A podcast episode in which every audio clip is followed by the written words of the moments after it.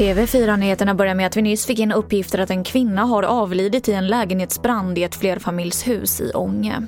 Räddningstjänst, polis och ambulans larmades till adressen tidigt igår kväll och då var lägenheten rökfylld.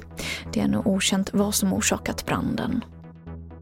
Twitter meddelar att USAs president Donald Trump permanent stängs av från plattformen.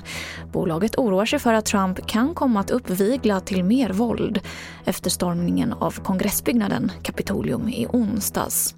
Vår utrikeskorrespondent Stefan Borg är på plats i USA. Ja, det har ju nästan tystat Donald Trump därför att Twitter har ju varit hans viktigaste sätt att kommunicera med omvärlden.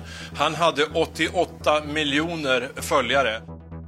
Och forskare i Umeå har lyckats kartlägga ett magvirus som orsakar diarré och årligen dödar runt 50 000 barn i utvecklingsländer. På sikt så skulle det här kunna innebära nya behandlingar och vacciner även mot andra virussjukdomar som till exempel covid-19. Och det var det senaste från TV4 Nyheterna. Jag heter Emily Olsson.